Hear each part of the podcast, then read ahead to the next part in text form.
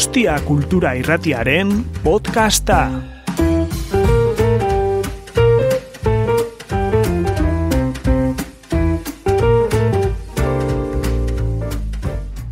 Pues arrancamos. Bueno, antes de nada, muchísimas gracias por venir. Vamos a compartir un ratito, espero que sea agradable, siendo que sé que el tema, eh, pues así a priori, puede no resultar un tema como muy, muy agradable, desde luego no muy fantasioso, ¿vale? Pero yo tengo un gran interés en hablar de este tema, en que lo podamos compartir. Eh, os voy a dar así como unas pinceladas, ¿eh? pero la sesión va a estar sobre todo enfocada, yo me voy a referir sobre todo a personas mayores, ¿vale? Porque estamos en el marco del programa Plus 55, pero todo lo que yo hoy voy a compartir es aplicable a cualquiera de nosotras y de nosotros, independientemente de la edad que tengamos. Porque como estamos ahora hablando, estábamos ahora ahí en un corrillo hablando de que este evento vital que nos puede pasar, que es la viudedad o la viudez, pues nos puede pasar siendo personas mayores o no necesariamente siendo personas mayores. Es decir, me podría pasar a mí, podría pasar a mi vecina de 30 mm, años, le podría pasar a mi madre de 60 y pico años, le podría pasar a quien sea. ¿Vale? O sea, no es algo que solo nos sucede cuando somos personas mayores, siendo que es verdad que hay un número muchísimo mayor de mujeres y de hombres que enviudan a partir de determinada edad. ¿Vale? Pues a esto vamos a dedicarle la tarde, la tarde, parte de la tarde. Y a mí lo que me gustaría es que siendo que el tema es un tema difícil, es un tema duro, bueno, podamos verlo también con una mirada preventiva y casi que os diría que a poder ser positiva, siendo lo difícil que es mirar un, evento como pueda ser la muerte de un ser muy querido, como pueda ser nuestra pareja, con ojos positivos, ¿vale? Pero vamos a ver si, si podemos darle ese, ese tinte. ¿Cómo venís a escucharme hablar de esto? Bien. ¿Dispuestas? Venga, a ver. Bueno, yo les he pedido el micro porque me querían tener ahí sentada, yo les he dicho que yo ahí sentada mmm, no iba a estar cómoda. Os cuento. ¿Qué quiero compartir hoy a la tarde? Pues quiero compartir que la viudez y la viudez es una realidad, una realidad que posiblemente, si vosotras y vosotros no habéis sufrido en vuestras propias carnes, que quizás sí, lo habremos sufrido seguramente en carnes de personas cercanas, ¿vale? Personas de nuestra familia, de nuestro entorno, de nuestro grupo de amistades, entonces vamos a darle visibilidad a este evento. Vamos a hablar de ello. Vamos a señalar, y en esto me detendré yo un rato, porque es una de las cosas que más, en la que más quiero poner el acento hoy, porque yo no os he dicho, no me he presentado, bueno, eh, no me he presentado, ¿no? Yo he arrancado, ya me conocéis, ya me conocéis, pero todos y todas, ¿no? Bueno, perdonar, ¿eh? Ainara, yo soy Ainara, Ainara Brusau, sexóloga y trabajadora social, ¿vale? Vengo hoy a la tarde en calidad sobre todo de sexóloga, porque todo lo que os voy a contar hoy tiene una mirada sexológica, una perspectiva sexológica, aunque igual del relato vosotras y vosotros no apreciéis esa mirada sexológica. Luego si alguien tiene dudas me dice, pero ¿dónde está eso que dices del sexo en todo lo que nos has contado hoy? Pues yo luego os, hago matices, ¿vale? Pero yo lo voy a hacer desde esa mirada y veréis, veréis cómo, cómo probablemente lo apreciáis. Bueno, entonces, quiero poner el acento en eso que perdemos con la viudez, en eso que perdemos. ¿Qué es lo que perdemos? ¿Vale? Y que hablemos de ello y le dedicamos un rato. Porque esto, esta frase la voy a decir bastantes veces hoy a la tarde, como es ley de vida, ¿no? Nos dicen es ley de vida, algo que pasa, algo que sucede, algo que me va a pasar, siendo que es un evento, si no de los más importantes que voy a ver en mi biografía, pues eh, uno de los más importantes, le dedicamos poco tiempo a hablar de ello. Y no sé si nos acompañamos mutuamente cuando estamos viviendo procesos de viudez. Bueno, ¿qué es esto del duelo ante la pérdida y qué fases tiene el duelo? Pasaremos un poquito por qué es esto de, tener un duelo, cómo podemos hacer un duelo ante la pérdida de la pareja, un duelo que se dice un, duelo sano, ¿vale? un duelo saludable, siendo que es un proceso doloroso, por qué fases pasamos cuando estamos en un duelo o pasa alguien que está en una situación de duelo ante una pérdida. ¿Qué podemos hacer para ayudar a alguien que tengamos cerca que esté pasando por esa situación de duelo? O nosotras o nosotros mismos, si estamos en un evento como pueda ser la viudez o bueno, cuando nos pueda llegar, quizá nos acordemos, jo, aquel día que estuvimos con Ainara, nos contó estas cosas y me estoy sintiendo identificada con estas cosas que nos contó. Y luego un punto que lo he señalado ahí como último, pero del cual yo luego podría seguir otra sesión y otra sesión y otra sesión, ¿vale? Lo digo por ahí, Laura, por si quieres apuntar. ¿Vale? ¿Qué es esto de la erótica tras la pérdida de la pareja? Pues sobre esto os quiero hablar hoy a la tarde. A ver si nos da tiempo. Que me enrollo.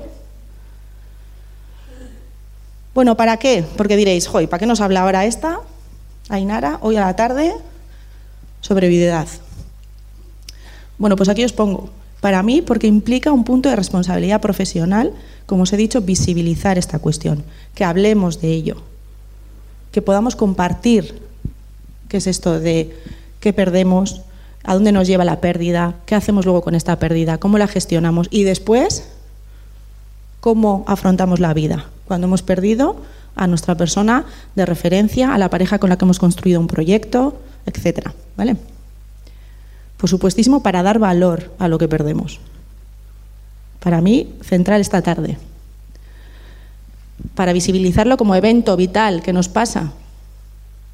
Eh, tenemos pocas certezas en la vida, pero creo que una que, que tenemos, ¿cuál es la mayor certeza que tenemos en la vida? Que vamos a morir. Es lo único que sabemos. Y siendo lo único que sabemos con certeza, esa una de las cosas en nuestra cultura, porque hay otras culturas que abordan esto de maneras diferentes, en nuestra cultura no le damos espacio. No damos espacio a hablar de la muerte en las conversaciones familiares, no damos espacio a hablar de la muerte en las conversaciones de pareja, no damos espacio a hablar de la muerte en las conversaciones con los amigos, siendo la única evidencia que tenemos. ¿Sí? Y yo sé que esto es difícil, ¿eh? No es nada fácil porque no hemos aprendido, no nos han enseñado a hablar de la muerte. No lo sé, vosotras y vosotros. Yo, por ejemplo, si me pongo a pensar en el aprendizaje que yo he tenido en mi casa, en mi casa de la muerte se habla muy poco. No sé en las vuestras, ¿vale? Lo pensáis. Pero es importante que le demos un lugar. Venga. Mirad esa foto. Bueno, antes de entrar en en lo que perdemos y antes de señalar cosas, como os he dicho que me voy a centrar sobre todo en la población mayor, ¿vale? Y en los eventos de vida cuando somos personas mayores, claro, hablar de personas mayores y no decir cuatro cosas que yo quiero decir que luego van a ser transversales en toda la sesión, es decir, todo el rato van a estar presentes, pero yo no las voy a estar diciendo todo el rato. Y una de ellas es que en el, dentro del colectivo de las personas mayores hay muchísima diversidad, ¿vale? Yo os pongo eh, hay diversidad en cuanto a edad cronológica, o sea, dentro del colectivo de personas mayores, fijaos, el, el, programa se llama Plus 55, ya empezamos por ahí, pero bueno, dentro del colectivo de personas mayores, si ponemos de 65 en adelante, pues tenemos desde 65, 75, 85, 95, centenarios, centenarias, es decir, población muy diversa. No es lo mismo ser una persona considerada mayor de 69 años que de 87 años. ¿Vale? Entonces, todo esto va a estar presente todo el rato. Cuando yo hable de personas mayores, no quiero que entendáis que Ainara piensa que todos los mayores somos iguales. ¿Vale? Eso por un lado. Entonces, ahí dividimos, más o menos solemos hacer como esa división de dos etapas, como una primera etapa de la vejez y una segunda etapa de la vejez. ¿Vale? Pero no solo eh, la edad en cuanto a cronología, sino esto de la edad social. A ver si estáis de acuerdo conmigo en que tener 70 años hoy en el 2024 o tener 70 años en 1950 no era lo mismo. No mirábamos a esa persona de 70 años con las mismas gafas, ¿vale? Con lo cual también tenemos que tener esas gafas históricas, esas gafas del momento, del momento histórico y del momento cultural que ha vivido o que está viviendo esa persona mayor. Y la edad fisiológica relacionada con la salud. Ser una persona mayor no significa tener mala salud, ¿vale? Y viceversa. Hay personas mayores con 85 años y una salud maravillosa, probablemente mejor que la mía, ¿sí? Y personas de mi edad con una salud pues malísima. ¿Vale? Nada es indicador de deterioro. ¿Vale? Esto que vaya por delante cuando yo luego hable de personas mayores. Pero ¿qué más? Pues no es lo mismo, y aquí podríamos entrar en mucho debate, ¿vale? Pero no sé si vamos a tener tiempo para el debate, si queréis luego lo hablamos. Pero no es lo mismo tampoco ser un hombre o ser una mujer, ¿vale? Las vivencias, las biografías, según el momento cultural, histórico, el entorno familiar, eh, eh, cultural, ideológico, etcétera, que hayamos vivido, pues también afrontamos la vida de maneras distintas. Yo no quiero decir ni peores ni mejores, ¿eh? solo diferentes. ¿vale? Con lo cual no es lo mismo envejecer o enviudar siendo una mujer o envejecer o enviudar siendo un hombre. Insisto, no siendo una cosa mejor que la otra y no dando unas habilidades a unas y no a otros, pero probablemente afrontemos de manera distinta ese evento biográfico. ¿vale? Y por supuesto los estilos de vida. Pues no es lo mismo enfrentarme a un proceso como la viudez, si yo tengo un estilo de vida y soy una persona mucho más optimista, soy una persona positiva, soy una persona que se repone de los duros golpes de la vida, o soy una persona con una tendencia más pesimista, ¿vale? que me quedo más eh, en la crisis, en la queja, pues no voy a enfrentar de la misma manera ese evento. ¿Sí? ¿Estáis de acuerdo? Pues venga, seguimos. También quiero poner el acento en esto, porque yo os voy a hablar de la avidez y de la pérdida de la que es la persona significativa y sobre todo voy a estar haciendo alusión a un estilo de pareja concreto, porque sabéis, igual que hay diversidad de personas mayores, hay diversidad de estilos de pareja, hay diversidad de maneras de vivir en pareja. Si nos pusiéramos aquí cada uno y cada una a compartir las nuestras, pues cada una tenemos una vivencia en pareja, cada uno tenemos una dinámica, hemos tenido una manera de vivir la relación, una manera de entenderla, una manera de afrontarla, una manera de compartirla. ¿Vale? Yo voy a poner el acento hoy en la pérdida de esa pareja cuando nuestra relación ha sido, y ahí os pongo unas palabras. Y os he puesto cuando nuestra relación ha sido amorosa, ha sido sinérgica, ha sido gozosa, ha sido erótica, ha sido cómplice, ha sido nutritiva, etcétera, etcétera, etcétera. Y diréis, bueno, y algunas otras cosas también faltarían, no tengo ninguna duda. Y algunas cosas en momentos habrán sido así y en otros momentos habrán sido distinto. Pero no, no, no voy a poner yo hoy el acento en la pérdida de esa relación de pareja que no haya sido una relación ni satisfactoria ni que me haya aportado bienestar, donde igual ahí o sea, si yo estoy en una relación de pareja en la que no me aporta mucho bienestar mientras estoy compartiendo la vida con esa persona, quizá un evento como la viudez no sea tan traumático. ¿Sí? ¿Podría ser esto? Podría ser, ¿no? Pero yo creo que hoy nos centremos en un evento en el que la pérdida es de todo esto, de quien ha sido nuestra compañera y nuestro compañero, y hemos construido una relación con estas características. ¿Vale?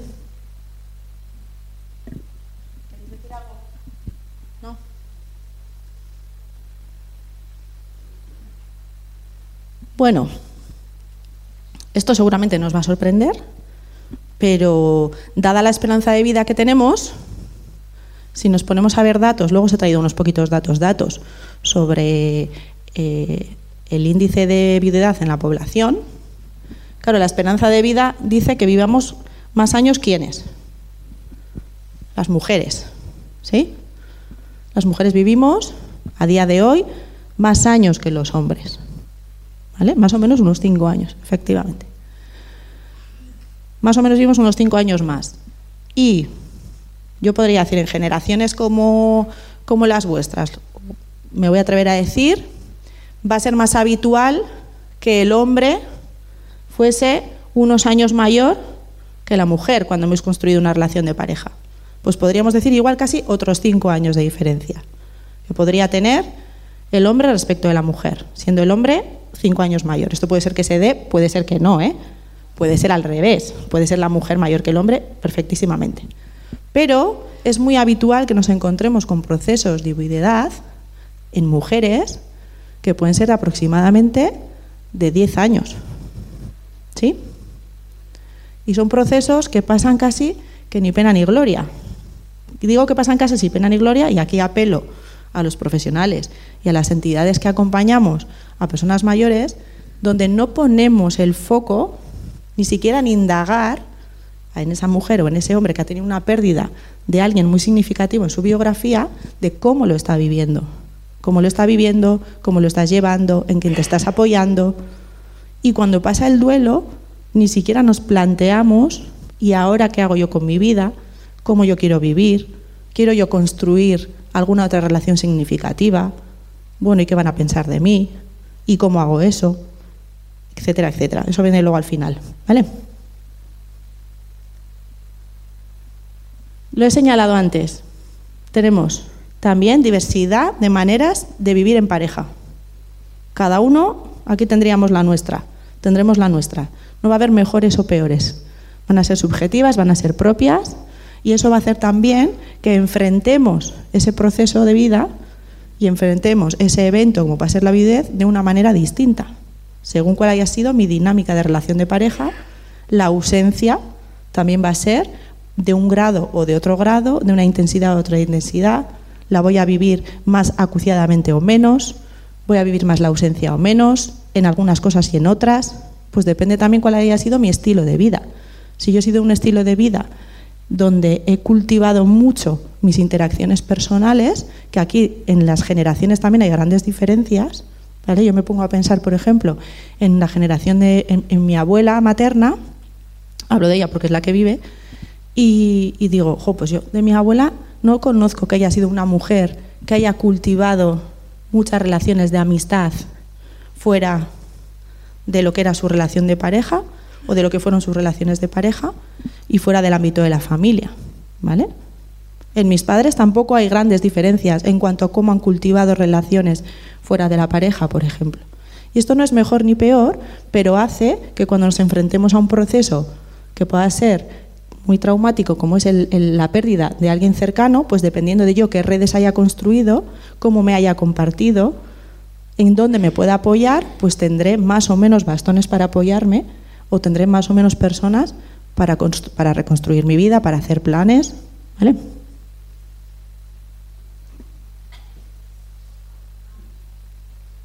Mira, aquí os he traído unos datos. Nada, son simplemente para que, sobre todo quiero señalar la diferencia entre hombres y mujeres. Son datos del 2020 y son datos eh, a nivel nacional. ¿eh? Pero esto lo he cogido de una estadística donde nos decía, mira, en 2020 éramos, que ahí teníamos, 10 millones de personas mayores de 65 años. Éramos, me incluyo, no, no, yo no estoy ahí, pero me incluyo. 2050, la previsión es que se den, haya 16 millones de personas mayores de 65 años. Y la viudedad en el 2020 afectó a 2.920.000 personas, siendo de esas 2.331.000 mujeres y 589.000 hombres. ¿Vale? O sea, esto lo que refleja clarísimamente es que la viudedad es un evento muy femenino, que se da muchísimo más pero muchísimo más, es más del doble, mucho más del doble en mujeres que en hombres. Yo no sé si, pensáis en vuestros contextos, si se da. Mira, aquí unas frases para la realidad que os decía, ¿vale? Para dar visibilidad. Que ya lo hemos dicho, ¿vale? Lo único que llega con seguridad es la muerte. Lo decía Gabriel García Márquez. La muerte es una vida vivida, y la vida es una muerte que viene. Y esta tercera que dice que la muerte solo tiene importancia en la medida que nos hace reflexionar sobre el valor de la vida.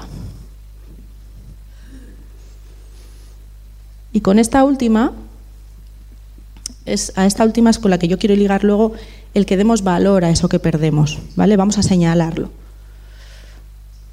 Mira, yo os he puesto una pregunta que dice, ¿Nos preparamos para la pérdida de la pareja? ¿Vosotros y, vosotras creéis que socialmente quienes estamos aquí o bien nos estamos preparando o nos preparamos o nos han preparado en algún momento para afrontar este evento vital que ojalá no nos pase y ojalá no tengamos que vivir, pero que es probable que nos pase.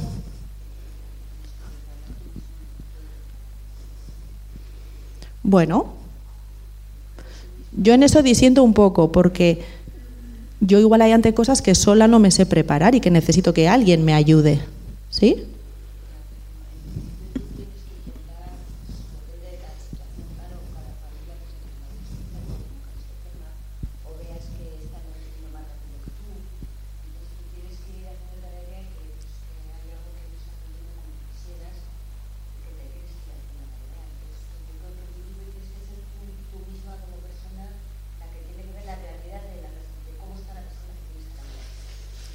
Sí, hay una parte, estoy de acuerdo. Todos y todas tenemos, eh, bueno, vivimos eh, la realidad que estamos eh, experimentando, pero igual no todos ni todas tenemos la misma capacidad de conectarnos con el dolor, con el sufrimiento y con la pérdida, ¿sí? Porque esto requiere pues requiere fortaleza, entre otras cosas. Requiere fortaleza, requiere poder mirar eso, requiere poder enfrentarlo y cuando yo digo eh, ayuda, mira, aquí os, pongo unos ejemplos, pero socialmente nos preparamos para un montón de cosas. Socialmente y de los servicios eh, públicos nos acompañan en muchos procesos, nos acompañan a prevenir, pues fijaos con la salud, con la salud afortunadamente tenemos unas campañas ¿vale? que, y, unos servicios que nos ayudan a tener la mejor vida, eh, la más saludable posible, a tener los mejores hábitos de salud, a entender que la salud es importante, que depende de nosotros mismos, por supuesto, pero que tenemos servicios que nos acompañan y nos ayudan.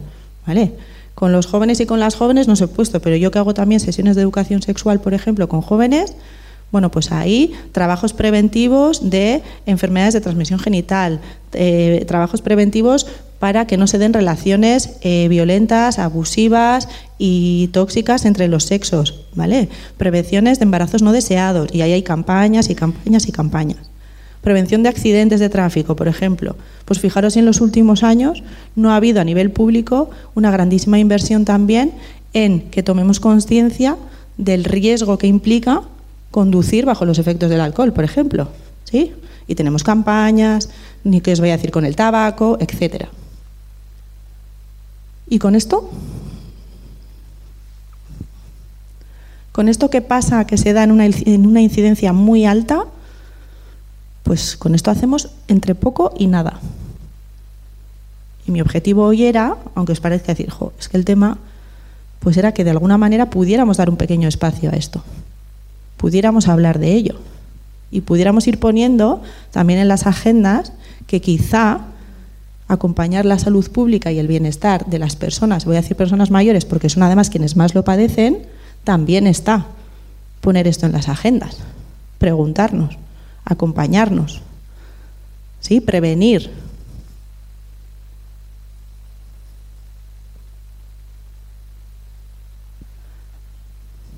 Esta pregunta, quien quiera la contesta, pero sí que me gustaría que tomásemos cada uno así, unos segundos, y nos hiciésemos la pregunta a nosotros mismos. Probablemente estéis aquí, mujeres y hombres, que ya hayáis sufrido este evento, ¿sí? Otros y otras que no. Quienes lo hayáis sufrido, identificaréis seguramente muy fácil que habéis perdido.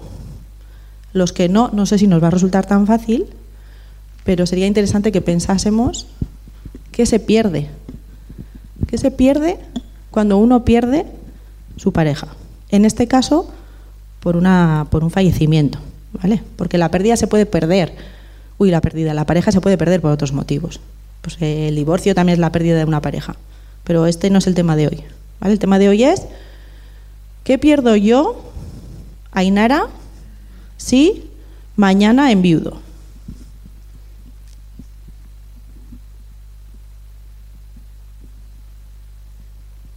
¿Alguien quiere decir algo? No, se pierde todo. Espera, ¿eh? Dí Jesús. Se pierde todo, se pierde la mitad de la vida. La vida compartida. Sí, le pongo. ¿Le pongo? Sí. Digo que se pierde todo. O sea, una vida compartida, al irse uno de los dos, el que queda es como si quedase la mitad. Un vacío, tristeza, se pierden las alegrías, el- no sé, es, es complicado. O sea, a mí se me está haciendo complicado ahora porque al fin y al cabo yo soy, no sé, dos años viudo y todavía, todavía lo tengo presente. Entonces, para mí, ahora mismo, lo he perdido todo. Todo en la vida. Sí, tengo hijas, tengo familia, nietos, tal, pero eh, lo he perdido todo. Gracias, Jesús. ¿Alguien más quiere compartir?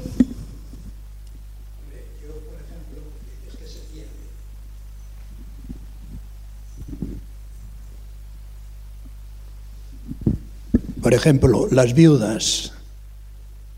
Las viudas pierden parte de, de la pensión del marido, cuando no debía de ser así.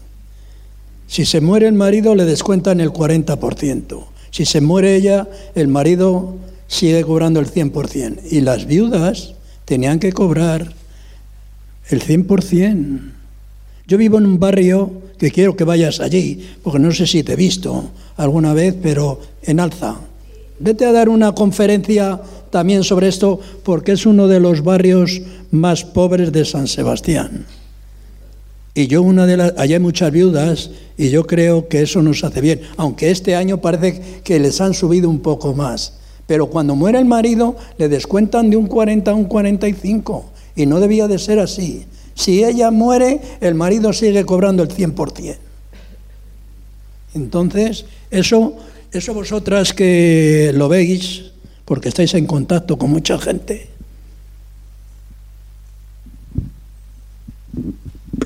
Es Casco. ¿Alguien más quiere compartir? Avanzo.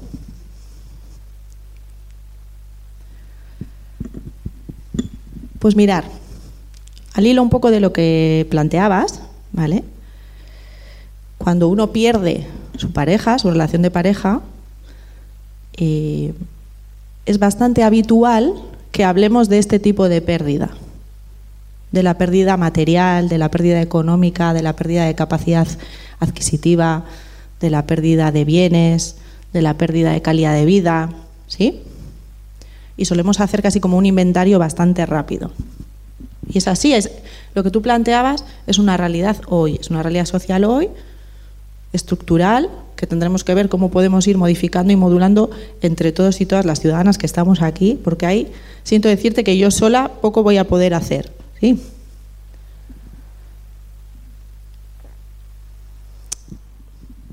Pero yo tengo interés, sobre todo, en que pongamos el foco en esa otra pérdida que de una manera muy emotiva nos, nos acaba de relatar Jesús, ¿sí? que es la pérdida de quien ha sido y quien sigue siendo, porque aunque la haya perdido, sigue siendo parte de mí, porque ha compartido conmigo si no toda mi biografía, casi toda mi biografía, con quien he construido un proyecto vital, con quien he construido una identidad, con quien he construido mi ser Ainara, mi ser Jesús, mi ser Paqui, mi ser quien sea.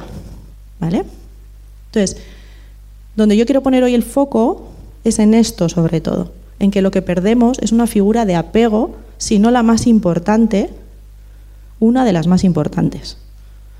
Y del apego se habla mucho en la etapa infantil, se habla mucho del apego y de la pérdida y del duelo en las separaciones de pareja, pero se habla poco de la pérdida y del duelo cuando perdemos nuestra pareja, quien ha sido nuestro compañero, nuestra compañera de vida. Insisto, independientemente del tipo de relación que hayamos tenido, de la dinámica de relación que hayamos tenido, acordaros que sobre todo estoy pensando en esas relaciones que han sido sinérgicas, que han sido gozosas, satisfactorias, nutritivas, ¿vale? Donde el vacío, que muy bien lo decía Jesús, es un vacío que se hace muy presente. Y claro, mi pregunta es, ¿con quién hablamos de este vacío que se genera cuando yo pierdo quien ha construido, con quien yo he construido mi propia identidad? ¿Con quién lo hablamos? ¿A quién le pedimos ayuda? ¿Quién está pendiente de nosotros y de nosotras y desde dónde está pendiente, porque las familias estamos pendientes, y eso estoy segura, pero claro, tener conversaciones, pues quizá con tu padre que se ha quedado viudo, o con tu madre que se ha quedado viuda, o con un amigo o una amiga, porque esto, insisto, es un evento que nos puede pasar en cualquier momento de nuestra biografía, donde están esas conversaciones de donde yo soy totalmente consciente de lo que has perdido es a la persona con la que tú estabas construyendo un proyecto de vida. ¿Sí? Una relación de amor, una relación de afecto, de complicidad, de compromiso. ¿Y esto con quién lo compartimos? ¿Con quién compartís vosotros y vosotras? Si estáis viviendo un hecho así, ¿con quién lo compartís? Si nos ponemos a qué nos va a pasar en algún momento y me pongo a pensar yo con quién podría compartir esto. ¿Quién tengo en mi entorno al que yo pueda acudir para contarle cuánto le echo de menos?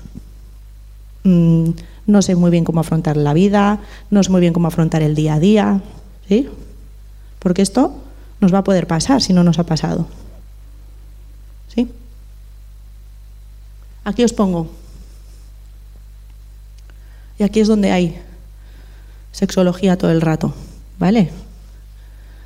Pierdo al hombre y a la mujer, a la que he amado y al que me ha amado a mí, al que he deseado y al que me ha deseado a mí, al que yo he significado y al que me ha significado a mí. Y esto, pues no es algo, nada, como es ley de vida, pues lo dejamos pasar así casi que de puntillitas, que es lo que en general hacemos con esto, dejarlo pasar como de puntillitas. Porque claro, nos va a pasar, nos tiene que pasar, va a suceder, pero es que esto es lo que perdemos. ¿Sí?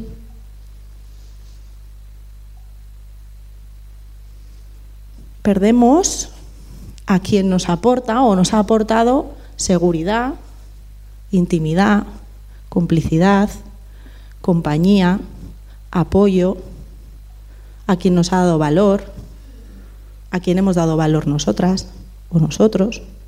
¿Vale? Y esto ya lo he dicho, pero también perdemos identidad.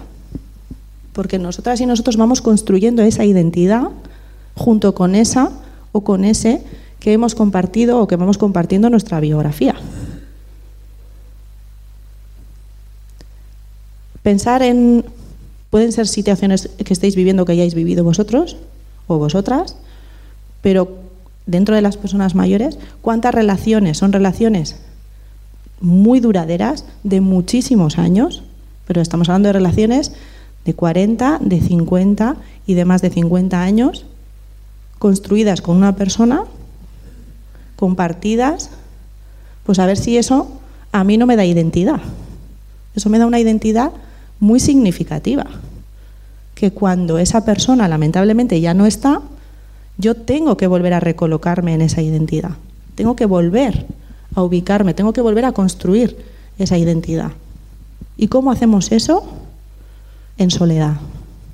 ¿Cómo hacemos eso sin bastones en los que apoyarnos? ¿Cómo hacemos eso sin conversaciones? ¿Sí? Sin espacios para dedicarle a ello.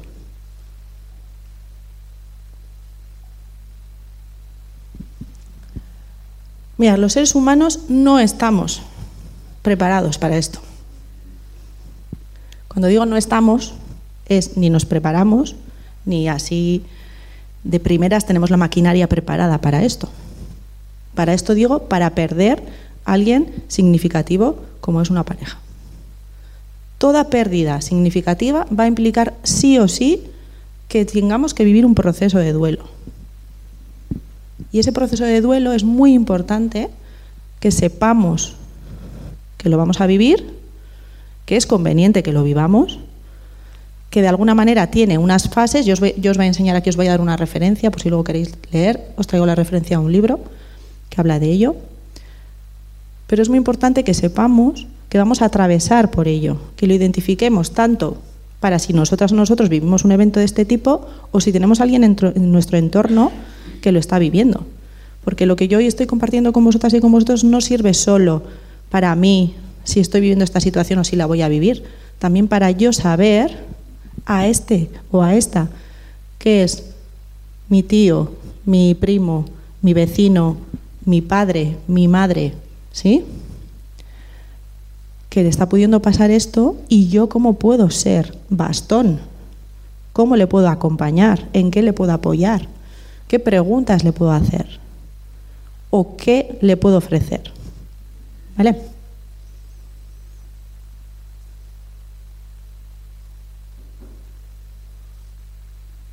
El duelo, como os digo, lo vamos a vivir, o es muy importante que lo vivamos. Y podemos vivirlo de una manera más sana, no exenta de dolor, ¿vale? Una cosa no quita la otra. Doloroso va a ser. El proceso de duelo siempre es doloroso. Pero es importante que sea, que lo hagamos, que lo enfrentemos para poder seguir adelante, para poder reconstruir nuestra vida, para poder seguir viviendo y disfrutando de otras muchísimas cosas maravillosas que también podemos disfrutar de la vida, aunque haya fallecido la persona que hasta ahora nos acompañaba y construía con nosotros esa pareja, esa identidad y esa vida. ¿Vale?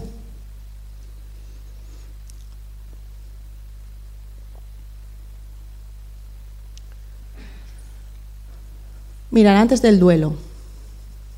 Algo que seguro es posible que estuvierais pensando. No es lo mismo que nos enfrentemos a la pérdida de la pareja de una manera repentina o de una manera, digamos, progresiva. No nos vamos a enfrentar a un proceso de duelo, a un proceso de sanación que implica el duelo por la pérdida, por el dolor de esa pérdida, no va a ser lo mismo si es algo repentino, un suceso que sucede mm, hoy de manera accidental y mi vida cambia de manera drástica en cuestión de horas, o si yo voy teniendo, voy siendo acompañante, voy siendo cuidadora de mi pareja que está viviendo un proceso de deterioro y un proceso de enfermedad, donde ahí ya voy además acompañando ese propio proceso de enfermedad, ya voy haciendo un propio proceso de duelo. No es lo mismo. ¿Vale? Y no es lo mismo tampoco, dependiendo de con qué intensidad yo pueda estar cuidando, si estoy haciendo un acompañamiento en un proceso de dependencia, por ejemplo, en un proceso de enfermedad, una enfermedad degenerativa, larga en el tiempo, y estoy haciendo ese proceso de acompañamiento, yo puedo centrarme exclusivamente en el cuidado y dejar otras dimensiones de mi vida aparcadas porque decido dedicarme al cuidado, cuando ese cuidado, cuando esa persona falte, esa reconstrucción también tendrá que ser una reconstrucción muy progresiva, muy poco a poco, porque tendré que enfrentarme a lo que ha dicho antes Jesús de una manera muy clara, que es un gran vacío. Y es, ¿y ahora yo cómo voy llenando este vacío? ¿Cómo voy ocupando mi tiempo? ¿Cómo voy sintiendo que soy valiosa? ¿Qué me hace a mí ser valiosa? ¿Qué me hace a mí ser valioso? Pues cuando construimos una relación de pareja, y es una pareja sinérgica, como os decía, pues gran parte de lo que a mí me da valor es ese otro y esa otra. Y me da valor cómo? Queriéndome, dándome importancia, cuidándome, mirándome, abrazándome, besándome, compartiendo actividades.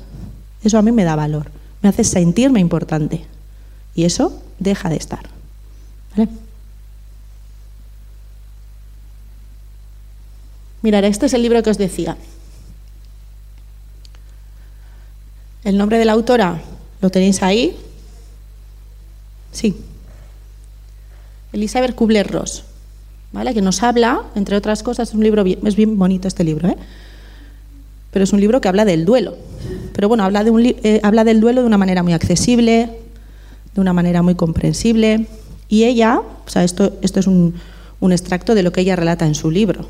¿Vale? que son las cinco fases que ella denomina cinco fases del duelo. Cinco fases por las que cualquiera de nosotras o cualquiera de nosotros, si enfrentásemos ahora la pérdida de alguien tan significativo como nuestra pareja, pues emprenderíamos este camino. Esto es un camino, tendríamos que transitar por él.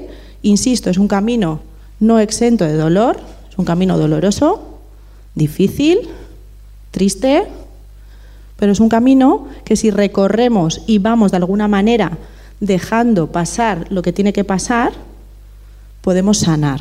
Podemos sanar Y sanar no implica olvidar. Sanar implica vivir o poder vivir o poder seguir conviviendo y seguir viviendo nuestra vida con esa ausencia, pero disfrutando de cosas que tiene la vida y de relaciones y de otras relaciones, sean familiares, de amistad y, por qué no, también de otras relaciones amorosas. ¿Vale?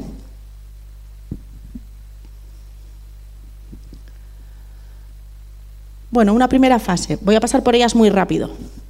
¿Vale? Lo que quiero sobre todo es que sepáis que están ahí, si alguien quiere el libro lo pueda leer, y por si alguien está en ese proceso o ha estado o en algún momento vamos a estar, podamos identificar y tampoco eh, no negar lo que estamos sintiendo, porque un proceso de duelo que implica sanación implica dar lugar a lo que estamos sintiendo dar espacio, dar sitio, darnos permiso para sentir eso que estamos sintiendo y ver cómo lo podemos canalizar. Y apoyarnos en nuestra red para poder canalizarlo. Pero es muy probable que la primera, lo primero que nos pase, y sobre todo si es una muerte muy repentina, accidental, es que podamos estar cierto tiempo en un estado de shock donde no nos creamos muy bien eso que ha pasado. Esa ausencia, no, no, no, no nos podemos creer que ha sucedido, que está pasando, probablemente nos, nos, parecerá que es casi que un espejismo y podemos estar ahí un tiempo en esa fase de shock, ¿vale? en esa fase que se dice de negación. Es como esta realidad que en algunos momentos sé que ha pasado, por otro rato no sé qué ha pasado. Y estoy esperando que eso revierta, bueno, cuántas veces se oye, ¿no? Eh, o escuchamos a la gente que te hace el relato de pues es que me parece que en cualquier momento va a entrar por esa puerta. ¿Sí? ¿Qué podemos hacer cuando alguien está ahí?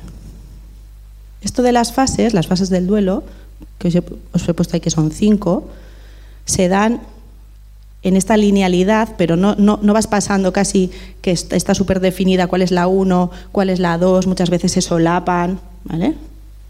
Pero vamos a ir pasando como por ello.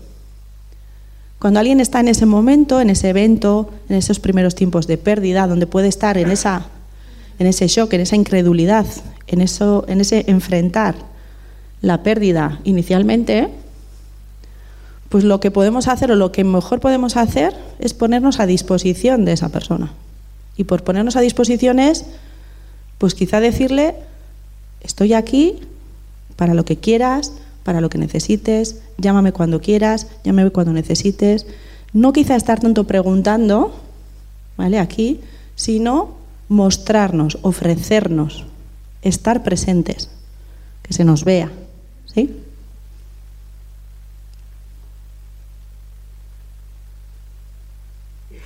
Esta sería la segunda fase del duelo, que tiene que ver con esos sentimientos de rabia, de ira, se le llama, la, autora le llama la fase de ira, ¿vale? Esos momentos en los que empiezas casi que a mostrar enfado, rabia, incluso ira y actitudes eh, que a veces luego con el tiempo te puedan llamar la atención, pero que son actitudes absolutamente comprensibles, absolutamente habituales y las que conviene darles sitio si llegan. Porque estoy enfadado, estoy enfadada, ¿con qué? Pues con la vida, ¿Por qué? Porque la vida ha hecho que yo ahora esté sufriendo este evento tan doloroso, el que yo no quería sufrir. Y eso, pues enfadarnos ante eso, pues es absolutamente comprensible. Y que quien esté viviendo esto esté enfadado o enfadada y que los demás sepamos que está enfadado o enfadada, no conmigo, sino con la vida, pues es importante también saberlo para poder acompañarlo. ¿Qué podemos hacer cuando alguien está enfadado? Cuando alguien muestra ira.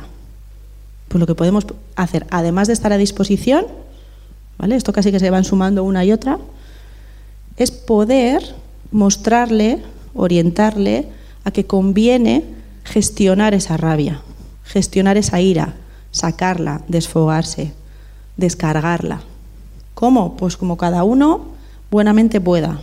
Habrá quien le ayude a escribir, habrá quien le ayude a hacer ejercicio, habrá quien le ayude a meditar, habrá quien le ayude a gritar, habrá quien le ayude a tener espacios de desahogo.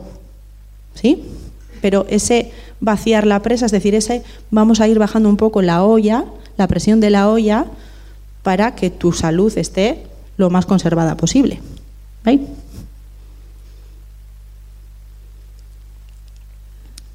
Pasamos a una tercera fase que se le llama la fase de negociación, donde empezamos a tener ya una vivencia de esa ausencia y hay personas que lo que hacen aquí en este momento es casi que adquirir compromisos con la vida.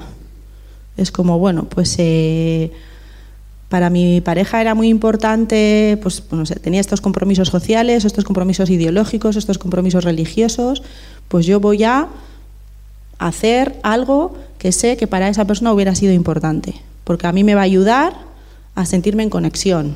Bueno, entonces vas como buscando alternativas que te ayuden a darle sitio a esa pérdida.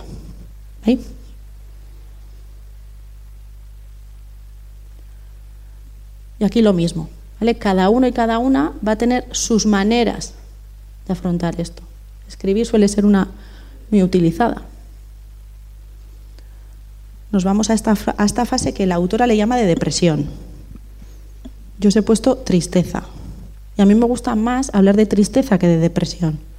Porque un proceso de duelo no es posible vivirlo sin tristeza. O sea, no es posible vivir la pérdida de quien ha sido absolutamente significativa, significativa para mí sin estar triste. ¿Sí?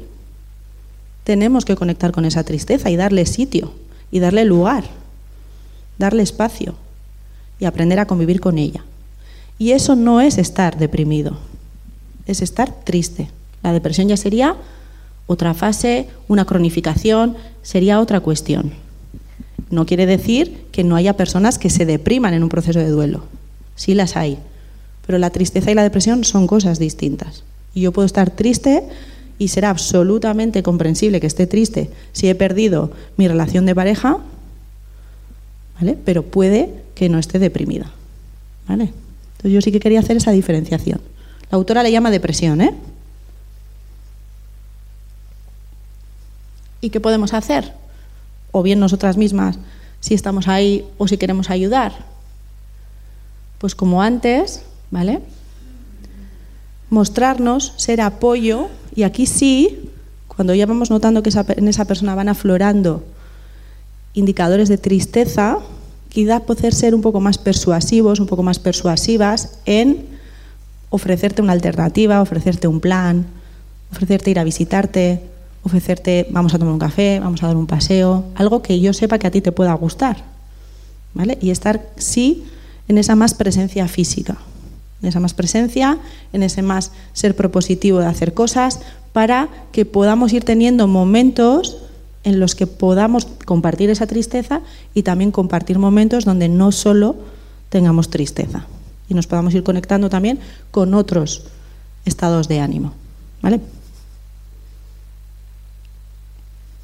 Y esta que sería, según la autora, la última fase, que es la que se le llama la fase de aceptación, que es ese momento del proceso de duelo donde ya vas pudiendo convivir de una manera menos dolorosa con la ausencia de esa persona, que nunca vamos a olvidar, porque siempre ha sido y va a ser parte de mí, porque ha construido conmigo gran parte de mi identidad. Y esto no se trata de olvidar, no se trata de obviar, sino que se trata de dar lugar, de reconocer cuánto de valiosa ha sido para mí, cuánto de valioso ha sido para mí, cuántas cosas he aprendido, he compartido contigo en la vida, lo que he llegado a ser hoy gracias a lo que he construido contigo y darle lugar a todo eso. Y vamos pudiendo poco a poco vivir con esa ausencia, pero al mismo tiempo con esa presencia. Esto no es sencillo porque es estar en ese equilibrio de te doy sitio, no te olvido, pero ya no es ese momento en el que condicionas absolutamente casi casi que todas las decisiones de mi día a día. Y aquí os pongo que es muy importante eh, esto va con la tristeza, que es permitirnos todas las emociones. No somos ni raros ni raras por sentirnos así, todo lo contrario. Es muy importante que nos sintamos así, para poder avanzar, canalizar y sanar.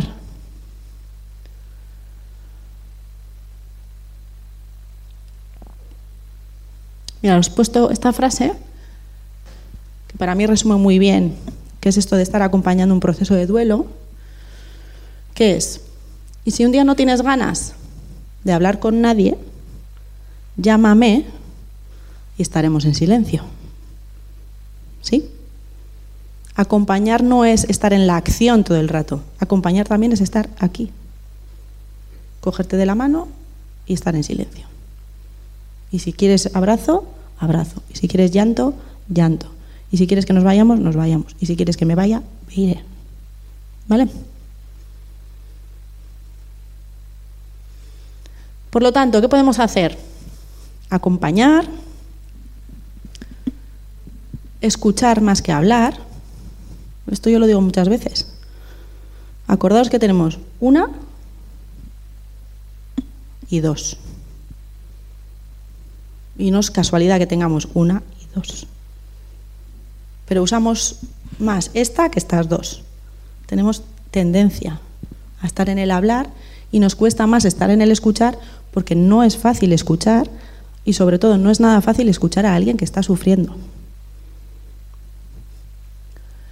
Permitirse llorar y permitir a la gente que llore. Ofrecer ayuda ofrecer acompañamiento desde las cosas concretas, desde las cosas cotidianas y sobre todo de las cosas cotidianas que sé que para ti son importantes, no tanto para mí, desde tus gustos, desde tus necesidades, desde tus apetencias, desde tus deseos, no tanto de los míos. ¿Vale? Evitar dar consejos y la presencia, la presencia física, el estar y el contacto físico un beso, un abrazo, una caricia. ¿Veis?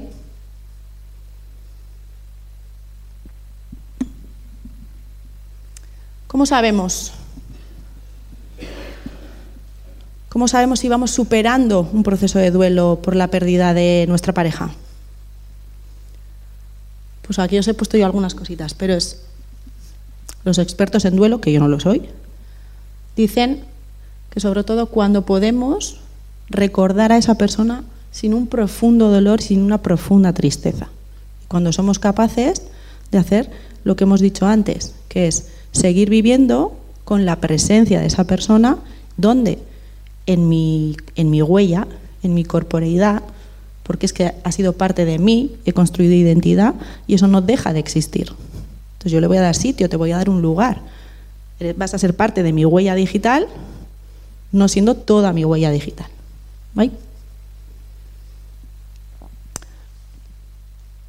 El duelo es muy importante que lo vivamos, que esto ya lo hemos dicho, y luego, pues para mí también algo como que se comparte mucho cuando hablas con personas que están en procesos de duelo, que es tener siempre a la persona en consideración. No es esto de, bueno, ya, se olvida, olvida, olvídalo, olvídalo. No se puede olvidar. ¿Cómo voy a olvidar parte de mí? imposible. Entonces es importante que le dé sitio. Pero no es lo mismo dar sitio que aferrarme a esa persona hasta quizá construir una relación patológica con ese recuerdo. Esto no es fácil, ¿eh?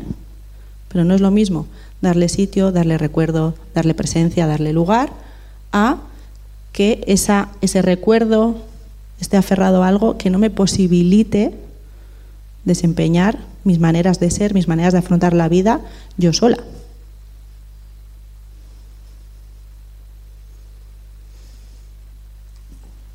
¿Cómo vais? Bien. Venga, voy dos para atrás. Aquí. Esto se refiere un poco a dedicarnos más rato a escuchar lo que nos está diciendo el otro que a ponernos en la acción de decirle lo que yo haría. ¿Sí? O sea, dar lugar a la escucha más que al consejo, porque tenemos tendencia a decirle al otro desde, desde el afán de ayudar, ¿eh? O sea, nadie, nadie acompañamos a alguien que está pasando un proceso de duelo, alguien querido para nosotros, diciéndole cosas para todavía hacerle más daño. Siempre lo vamos a hacer desde ese deseo de ayudar, de acompañar, de que sepas que esté aquí, y desde ahí muchas veces la tendencia es más a decirle cosas que yo haría, a darle consejos, que a veces a estar en silencio y a estar a escuchar a lo que el otro o la otra me tiene que decir. Tiene un poco que ver con eso. ¿Veis? No sé cómo vamos de hora. Uh. es que no quiero dejar de, de hablar un poco de esto. ¿Sigo o queréis que lo dejemos aquí? Sí, sigo. bueno, aquí os pongo la erótica en la viudez, la erótica cuando yo he perdido todo eso que hemos señalado que hemos perdido, ¿vale? Esa persona significativa, esa persona que a mí me hacía sentir amada, que a mí me hacía sentir deseada, que a mí me hacía sentir importante, que a mí me hacía sentir valiosa. Esa. La he perdido, he hecho el proceso de duelo, ¿vale? Y ahora sigo viviendo. Y una de las cuestiones a las que a veces nos enfrentamos después de un proceso de duelo por la pérdida de la pareja es a gestionar el deseo posible o no legítimo, totalmente legítimo, de volver a querer saberme una mujer y un hombre deseado. Y si la viudez es un tema del que hablamos poco, este ya no os quiero ni contar. Pero yo quería hoy señalarlo. Y sobre esto podríamos hacer una sesión solo. Porque yo hoy lo voy a casi que señalar. Porque muchas veces se oyen conversaciones, o en esta tendencia que tenemos, que parece que es poco evitable, de mirar las vidas de los demás o lo que hacen los demás, a veces podemos sentir incredulidad cuando alguien puede desear reconstruir su vida y que en esa reconstrucción de su vida pueda tener deseo de volver a tener una relación de pareja, sea lo que sea eso para cada cual. Ya no me voy a meter ni siquiera en decir qué tipo de relación, porque yo no soy nadie para decir qué tipo de relación, habiendo igual que diversidad de mayores, diversidad de relaciones de pareja, diversidad de vínculos, diversidad de maneras de sentirse importante, amada, deseada, querida, etc. ¿Sí? Pero de esto todavía hablamos menos. Es si yo como me presento después del tiempo de duelo, he superado el duelo, estoy retomando mi vida, estoy haciendo cosas, tengo salud, tengo deseo y madre mía, ¿deseo de qué? Pues yo aquí estoy hablando del deseo de gustar a otro o del deseo de gustar a otra. No, voy a hablar ni siquiera de lo que podría hacer con ese que me gusta o con esa que me gusta. Estoy hablando simplemente de que pueda sentir ganas de saberme importante para alguien, de saberme una mujer que gusta a alguien, una mujer con la que alguien querría estar. Y bueno, y ya si soy mujer de, de determinada edad, viuda, mostrar que yo pueda tener deseo de construir una relación de pareja, sea lo que sea eso para mí, pues también es un tema delicado del que hablamos, si no poco, nada, ¿no? Pues mira, aquí os pongo esto. Quienes compartís ya otros datos conmigo, siempre que venís lo escucháis. Y como siempre que venís lo escucháis, pues hoy también. Porque si hay un anhelo y un deseo universal que tenemos los seres humanos, es sabernos significativas y significativos para un otro y para una otra. Y significativos y significativas digo como mujeres y hombres deseados y deseadas por ese otro o esa otra al que yo deseo, al que a mí me gusta, ¿sí? Es un deseo, esto es un anhelo universal, compartido por mujeres y por hombres, ejecutado de maneras distintas, pero compartido.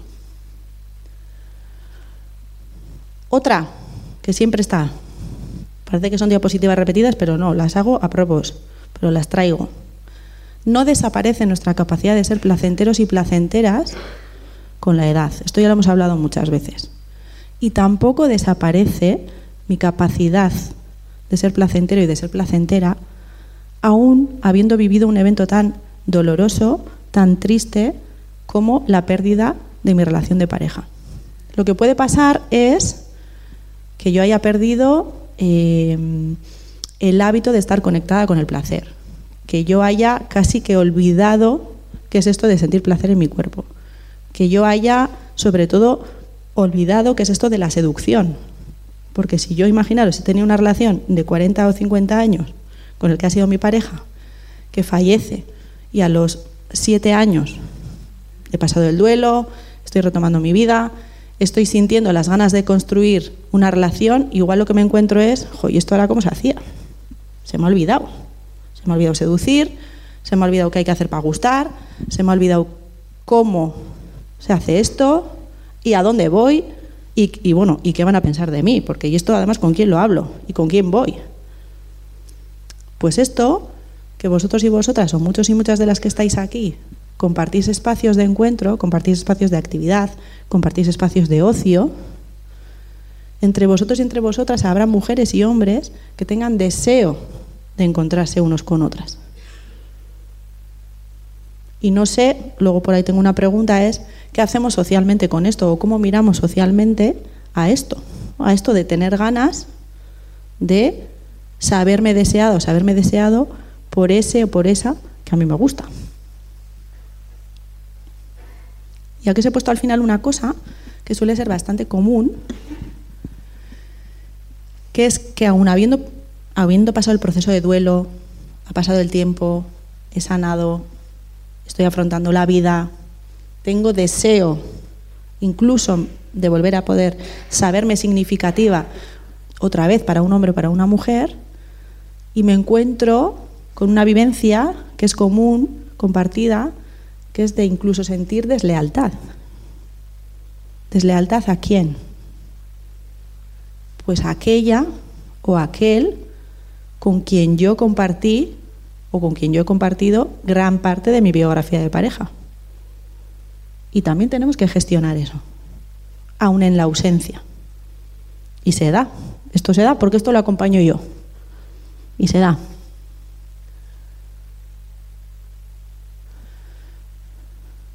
Quienes tenemos pareja, quienes estamos en pareja, tenemos la suerte de compartirla hoy.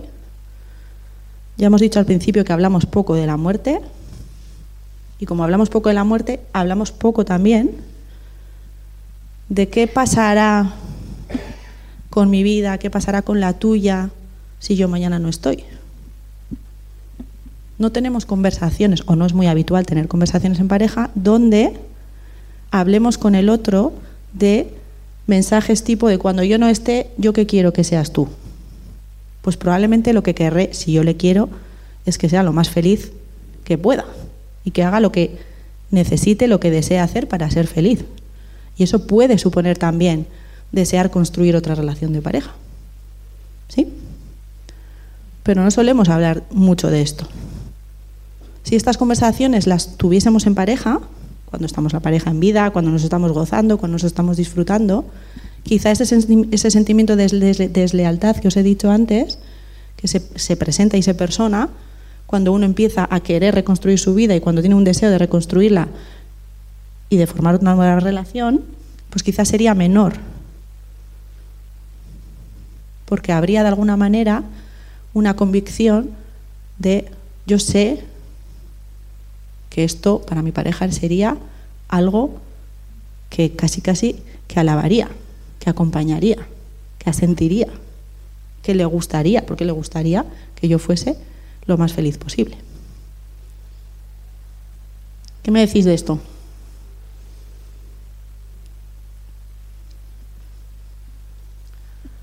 Bueno, acabo. Con estas, dos, con estas dos ideas, ¿vale? Que ya las he dicho antes. A mí me parece importante señalar, igual que señalamos qué perdemos cuando perdemos a quien queremos, señalar también que el hecho de perder a quien queremos en determinado momento de nuestra vida y seguimos afrontando la vida y seguimos viviendo y seguimos queriendo vivir y queriendo ser felices, que podamos darnos permiso también a ser, si queremos, mujeres y hombres deseantes. Que no tenemos por qué, pero tampoco tenemos por qué reprimirlo. Si queremos, si tenemos ese deseo, que no nos, de alguna manera, no nos autocondenemos a no vivir en él porque muchas veces tenemos tendencia a hacerlo, es decir, porque yo ahora cómo me voy a poner, yo ahora cómo lo voy a hacer. El qué dirán pesa mucho, ¿sí? Y luego lo he dicho antes, el y ahora cómo me pongo, y ahora qué hago, y ahora dónde voy, y dónde encuentro, y qué encuentro, y para qué, porque los para qué van a ser muy distintos. Porque yo he hablado todo el rato de deseo de encontrar a alguien que me signifique, que me haga sentir importante, que me haga sentir deseada, que me haga sentir valorada. No he hablado de follar y son, a ver, las siete y media pasadas. Y no voy a hablar. Con esta pregunta nos vamos. ¿Veis?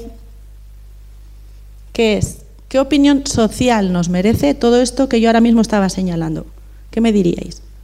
¿Qué opinión social tenemos respecto a mujeres u hombres, estoy hablando de personas mayores, que enviudan, que viven su proceso de duelo y se muestran al mundo como pueden, con sus habilidades, con sus casi que vergüenzas, porque esto, a ver cómo lo va a vivir ese otro o esa otra, si yo me presento como un hombre o como una mujer deseante de construir una relación.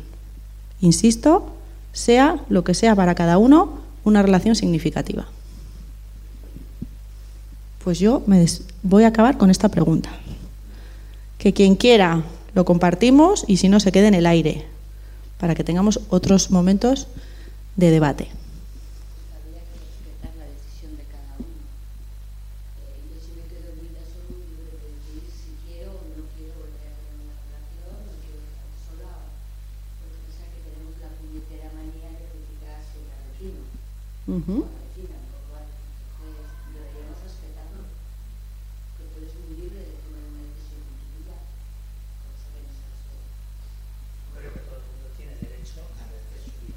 Incluso en el caso del fallecimiento, de, de que haya fallecido su anterior pareja. Sea lo que sea, para cada uno lo que eso sea. Lo que, lo que tú estés dispuesto Eso es. o, o- o necesites.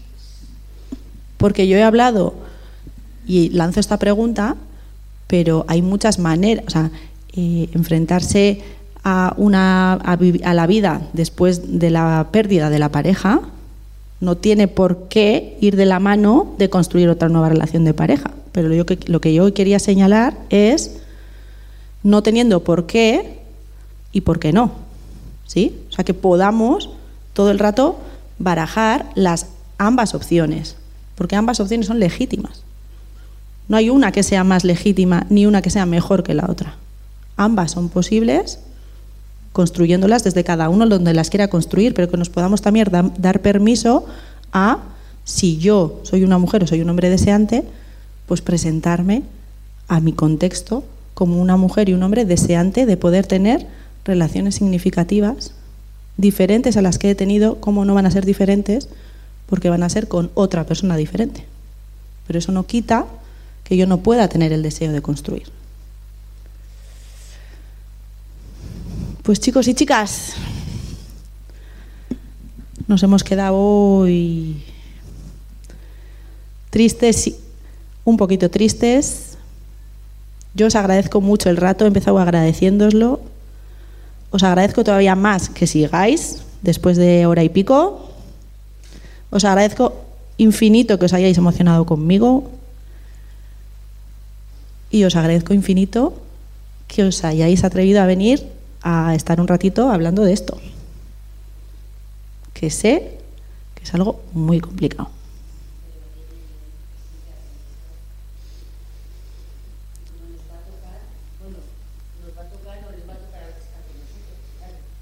Pues ojalá no nos toque, ojalá no nos toque. Yo boletos no voy a comprar para que me toque. Ojalá no me toque. Pero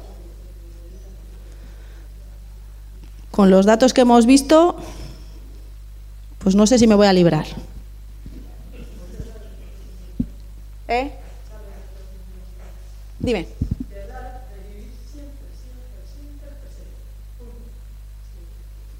Pues esa es una lección de vida muy buena.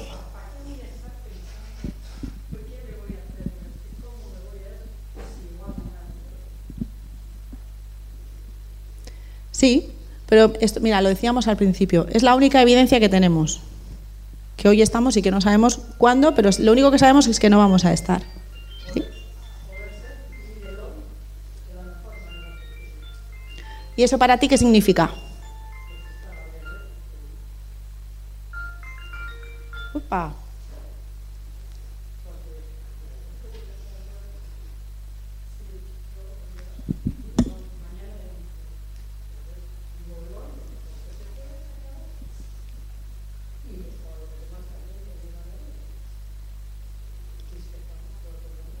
Claro, esa es una manera. Venga, ¿quién más quiere decir algo antes de irnos?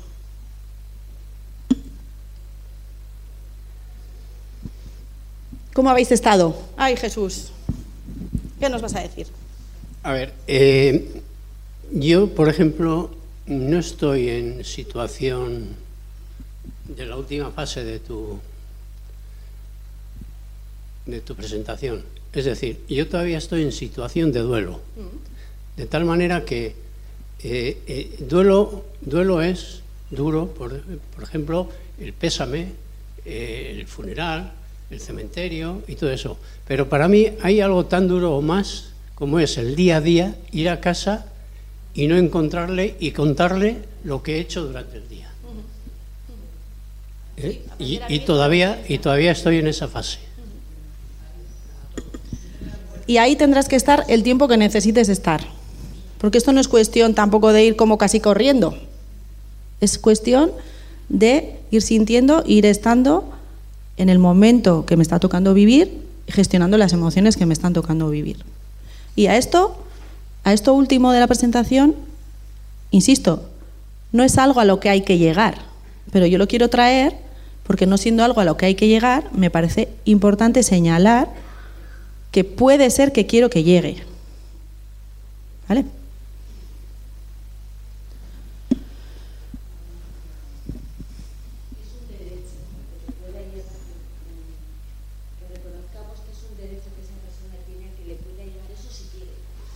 Bueno, para mí más que un derecho es un deseo.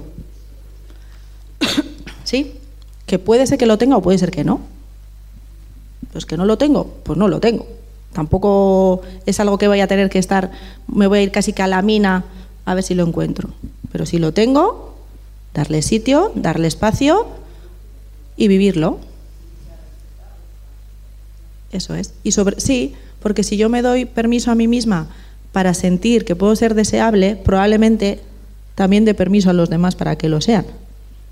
Si esto no pasa más que por darnos el permiso cada uno a nosotros mismos, que es lo más importante. ¿No hay en San Sebastián asociaciones de viudos y viudas?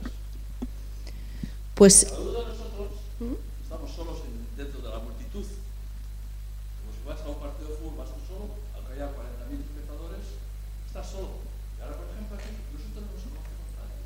Cuando nos marchemos, ya no nos volveremos a ver probablemente. Porque amigos de Sebastián más. Uh -huh. Entonces, me pregunto, si realmente es eso de la que tenemos ¿Qué medios podemos tener para poder recuperar socialmente algo? Ahí ellos. Yo te cuento, a ver, en Donostia hay asociaciones de, de todo tipo y también hay asociaciones, eh, bueno, lo que hay es hay asociaciones de viudos y viudas, pero... Mm,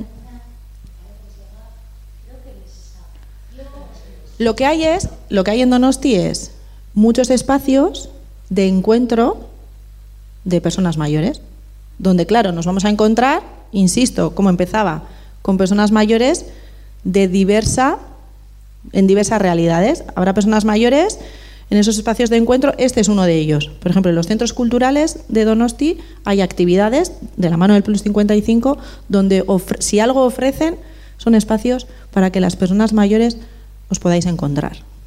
¿Sí? Claro, lo que no hay es espacios explícitos, explícitos, pero me viene muy bien tu, tu, tu aportación, porque nosotros estamos ahí queriendo desarrollar y queriendo poder construir espacios explícitos donde cuando haya personas mayores con deseo de encontrarse, de encontrarse para buscar, ¿sí?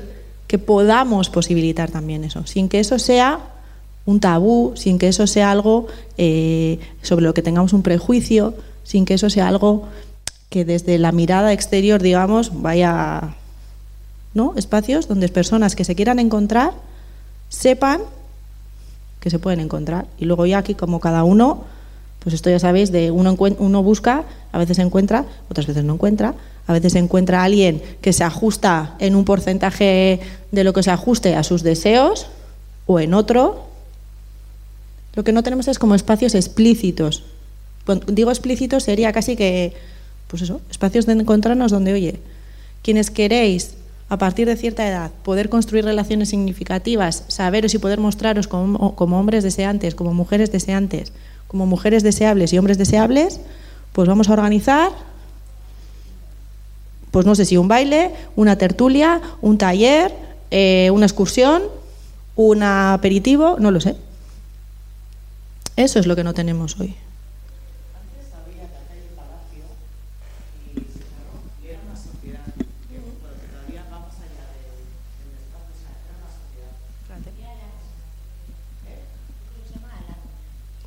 No lo sé.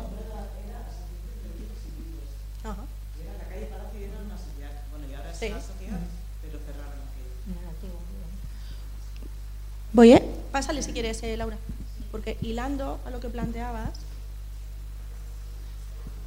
con nosotros ahora no nos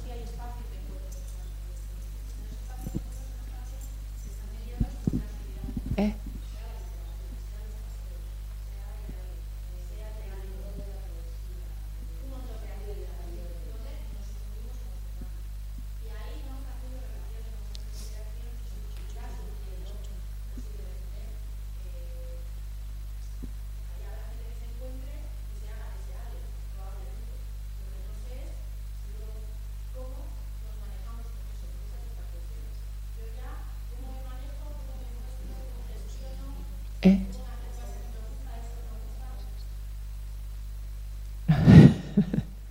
No, dices bien que hay muchas actividades para personas mayores, pero la cosa es que siempre, siempre, vamos, el 99% de las personas son mujeres. Entonces, para encontrarnos con hombres, fatal.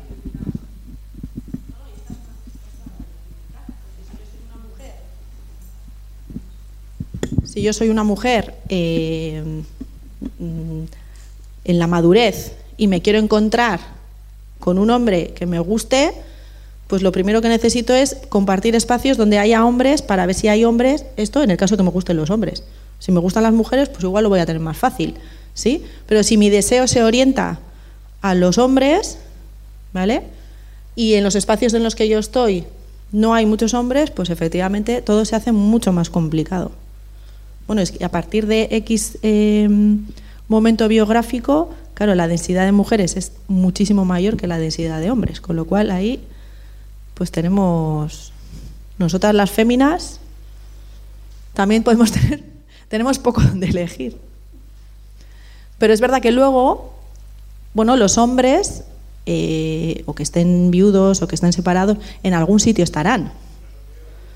Pero pero igual tenemos que ver cómo hacemos o, cómo posibilitamos espacios de encuentro donde nos podamos encontrar quienes nos queremos encontrar. Porque quien no se quiera encontrar, pues que no venga esto. O sea, yo si no quiero hacer baile, pues no voy a una clase de baile. Y no hay ningún problema. Voy a la clase de pintura y punto. Pero buscar espacios de encuentro ahora mismo para quienes se quieren encontrar es un reto.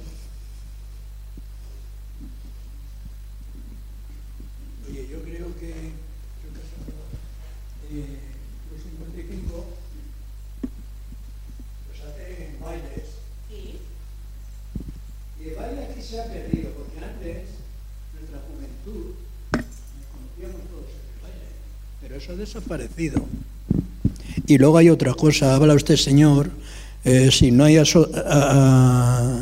sociedades de mujeres, es porque están, están lo de los jubilados. A los jubilados van cantidad de mujeres. Claro, luego no sé yo, si van a jugar a cartas, a otras cosas.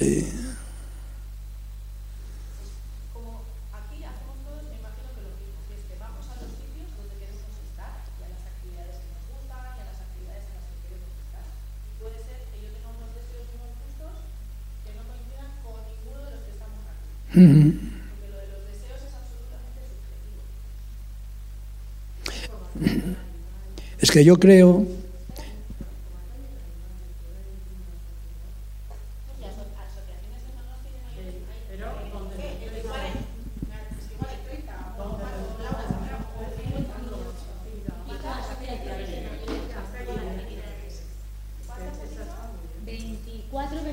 con sus diferentes actividades.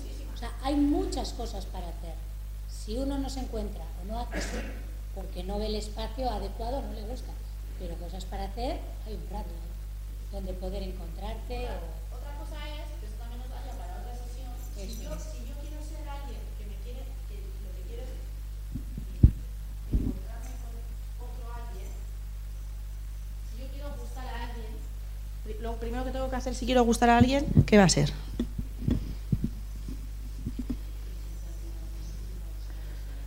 Como poco, mostrarme, mostrarme deseante y mostrarme, o sea, es decir, me tengo que hacer visible. Si yo no me hago visible, no me va a ver ni chus. Eso es lo primero. Y luego, ¿cómo me hago visible? Pues esto ya depende de las habilidades que tengamos cada una y cada uno y cómo entendamos qué es esto de hacernos visible y cómo entendamos qué es esto de hacernos deseables. Porque yo igual he sabido ser deseable para con quien he compartido 40 años de relación de pareja y ahí teníamos una dinámica de relación de pareja, un estilo de relación de pareja, una manera de convivir, una manera de gustarnos, pero esa era aquella. Ahora tengo que construir una nueva si, si tengo ese deseo. Entonces es como que tengo que volver a explorar eso que es y tengo que volver a mostrarme primero deseante, es decir, yo tengo deseo y me muestro como un hombre o como una mujer deseante y luego me tengo que hacer deseable, me tengo que hacer gustable, apetecible. Con lo que eso sea para cada... O sea, si yo os preguntase aquí a cada uno y cada una, ¿qué os hace a vosotros saberos apetecible para otro y para otra? Pues no terminamos. Nos quedamos aquí hasta hasta mañana no. Eh, ¿Cuántos hay? Pues no sé, igual, igual nos da diciembre.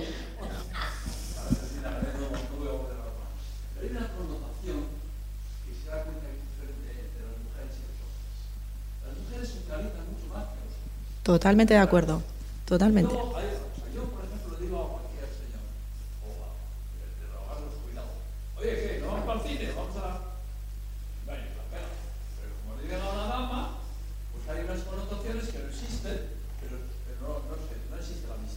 Sí, sí, es verdad.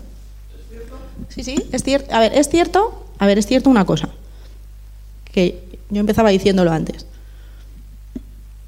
Los hombres y las mujeres, esto es importante, a ver si soy capaz de decirlo bien, porque claro, estamos en un momento donde el mantra es que los hombres y las mujeres somos iguales, ¿sí? Y yo lo que os digo es, los hombres y las mujeres tenemos el mismo valor, ¿sí? Somos diferentes, pero no desiguales. Pero somos diferentes. Y el hecho de que seamos diferentes no quiere decir ni que las mujeres seamos mejor, ni que los hombres seáis mejor. Somos diferentes, tenemos particularidades, singularidades que nos hacen diferentes entre los sexos, pero entre los propios sexos. Las mujeres que estamos aquí entre nosotras somos diferentes y los hombres que estáis aquí entre vosotros sois diferentes. Y las mujeres y los hombres entre nosotros también tenemos diferencias. Que no nos hacen desiguales. ¿Vale? Entonces, en esto del cortejo, en esto de la seducción, en esto de crear relaciones, la mirada con la que nos podemos acercar a esas relaciones va a ser la de cada uno, la subjetiva, la propia, y va a haber probablemente diferencias entre si es una mirada masculina o es una mirada más femenina.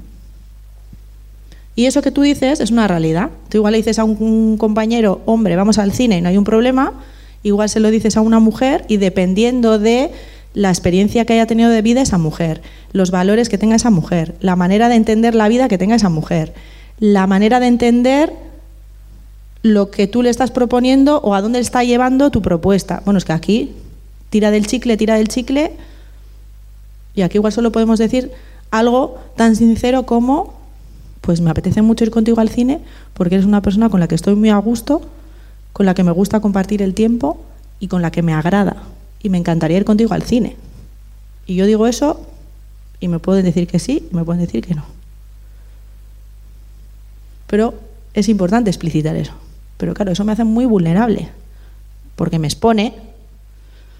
Entonces, lo que nos cuesta que es la exposición, lógicamente, porque nadie queremos recibir un no. Pero un amigo también nos puede decir que no viene al cine con nosotros. Pero también lo encajamos distinto. Sí, Pero tú me permites que te tutee y yo. Pero sí, sí, los matices entre los sexos son diferentes.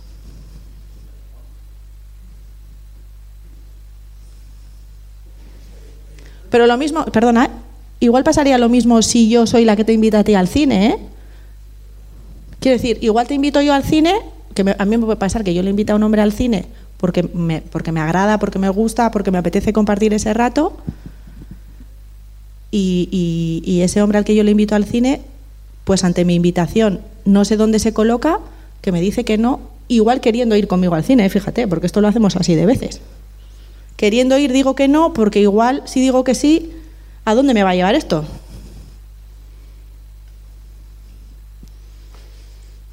Chavalería, nos tenemos que marchar, ¿eh?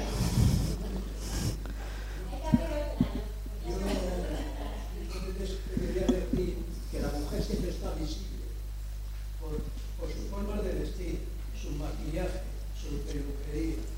Ellas siempre están guapas y la mujer siempre puede estar joven por todas estas cosas. Pues mira, yo disiento, ni la mujer está siempre visible, porque las mujeres no siempre queremos estar visibles, ¿sí? Pero pueden estar. Ah, y los hom- Ah, poder sí.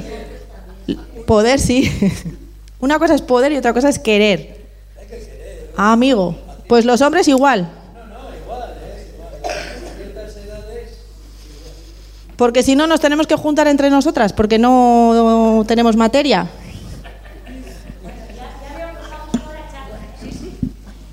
Quieres echar de breve? Sí, que sí.